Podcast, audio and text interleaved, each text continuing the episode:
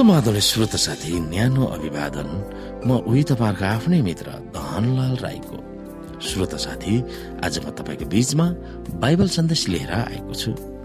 आजको बाइबल सन्देशको शीर्षक रहेको छ कसैले हल्लाउन नसक्ने गरेर अडिक भएर बस्नु।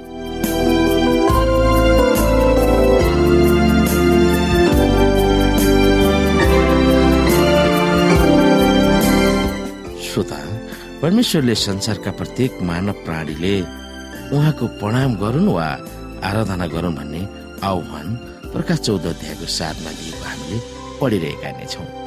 यो पहिलो स्वर्गदूतको सन्देश हो। प्रकाश चौध अध्यायको नौमा परमेश्वरले हामीहरूलाई चेतावनी दिनुहुन्छ। तिनीहरूले बेबिलोन वा गलत धार्मिक प्रणालीको जसको जरा पौराणिक बेबिलोनमा थियो त्यसको आराधना नगर भनेर उहाँले आह्वान गर्नुभएको थियो। यो दोस्रो स्वर्गदूतको सन्देश हो।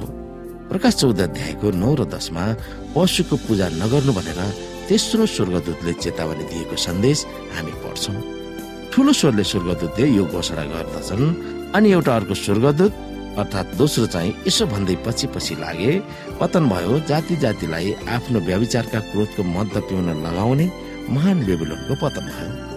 त्यसपछि तेस्रा स्वर्गदूत चर्को स्वरले यसो भन्दै तिनीहरूका पछि आए यदि कुनै मानिसले त्यो पशु र त्यसको मूर्तिलाई पुजेर निधारो हातमा त्यसको छाप लियो भने त्यसले पनि उहाँका क्रोधको कचौरामा केही नमिसाई तयार गरिएको परमेश्वरको क्रोधको कडा मध्य पिउनेछ। र पवित्र स्वर्गदूतहरू र थुमाको सामान्य आगो र गन्धकमा त्यसलाई यातना दिइनेछ। युगको अन्तमा रहने परमेश्वरको जनहरूको दुई चरित्रहरू के छन् भनेर प्रकाश चौध अध्यायको बाह्रमा दिएको छ। ती चरित्रहरू किन महत्वपूर्ण छ? आउनु श्रोता हामी यहाँ बाह्रमा हेरौँ परमेश्वरका आज्ञाहरू पालन गर्ने र यसो माथि विश्वास राख्ने सन्तहरूको धैर्य धारण यसैमा छ। ग्रिक भाषामा धैर्य उपमन हो। त्यसलाई दृढ अटल हुनु हो। विरोध र अग्निमय सतावटको बीचमा युगको अन्तमा परमेश्वरका जनहरू हुनेछन् जो उहाँप्रति वफादार हुन्छन्। उहाँको अनुग्रहले तिनीहरू दृढ र अटल भएर बस्नेछन्। तिनीहरू परमेश्वर केन्द्रित अनुग्रहले भरिएको र आज्ञाकारी जीवनहरू बिताएका हुनेछन्। परमेश्वरको आराधना गर्दा प्रकाश चौध अध्यायको साथमा पशुलाई पूजा गर्नु प्रकाश चौध अध्यायको नौको सिधै विरोध गरेको हुन्छ। परमेश्वरका आज्ञा पालन गर्नेहरू र यसुको विश्वास हुनेहरूले प्रकाश चौध अध्यायको नौमा भने अनुसार दमन नीति सहनु पर्ने हुन्छ। यो अन्तिम द्वन्दले यसु ख्रिसको पक्षमा उभिने कि पशुको पक्षमा उभिने भन्ने निर्णय गर्नुपर्ने हुन्छ। त्यो निर्णय आराधनामा केन्द्रित हुनेछ। असल र खराबको महान द्वन्दको मुटु सावत हुनेछ। श्रोत साथी हामी बाइबलका केही पदहरूलाई हेर्न सक्छौ। त्यहाँ विश्वासद्वारा जिउँदाको नतिजा के हुन्छ? भनेर ती पदहरूले हामीलाई सिकाउँछन्। आउनु श्रोता हामी रुमीको पुस्तक आठ अध्यायको एकदेखि हेर्न सक्छौ। यसकारण अब ख्रिस यसुमा भएकाहरूलाई दण्डको आज्ञा छैन। पाप र मृत्युको व्यवस्थाबाट मलाई जीवनका आत्माको व्यवस्थाले खिस यसुमा मुक्त पारेको छ। पापमय स्वभावले दुर्बल पारिएको हुनाले व्यवस्थाले जे गर्न सकेन परमेश्वरले गर्नुभयो। अर्थात् उहाँले आफ्ना पुत्रलाई पापमय शरीरको स्वरूपमा पाप जाइ पठाउनु भयो यसरी उहाँले पापलाई शरीरमा नै दण्ड दिनुभयो। यस हेतुले कि व्यवस्थाको उचित आवश्यकता हामीमा पूर्ण होस्।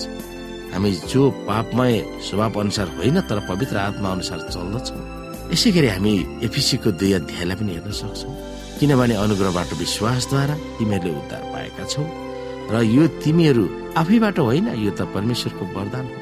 कर्महरूद्वारा होइन नत्र त मानिसले घमण्ड गर्नेछ किनकि हामी असल कामहरूका निम्ति ख्रिस यसोमा सिर्जना गरिएका उहाँका हातका सिपहरू हामी ती बमोजिम हिँडौँ भन्ने हेतुले परमेश्वरले पहिलेबाटै ती तयार गर्नुभएको थियो।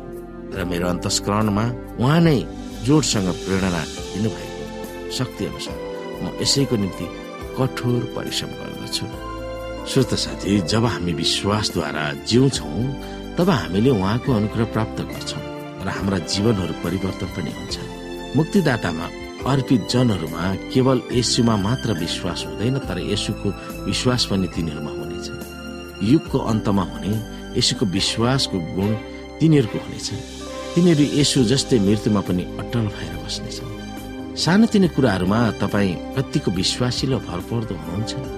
जब कष्ट आउँछ तब त्यसले तपाईँलाई के हुनेछ भनेर त्यसको जवाफले तपाईँको बारेमा कसरी बताउँदछ हामी यहाँ लुकाको पुस्तक सोह्र अध्यायको दसलाई हेर्न सक्छौँ। जो थोरै कुरामा इमान्दार हुन्छ त्यो धेरैमा पनि इमान्दार हुन्छ।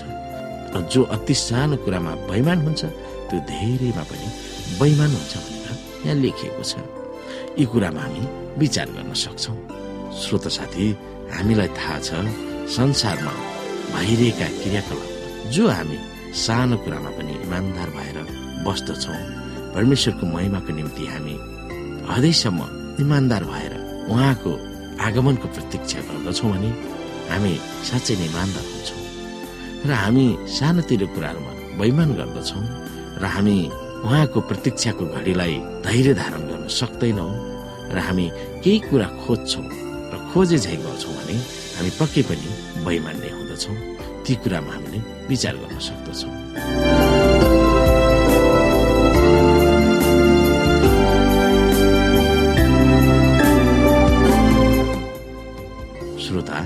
आजको लागि बाइबल सन्देश यति नै।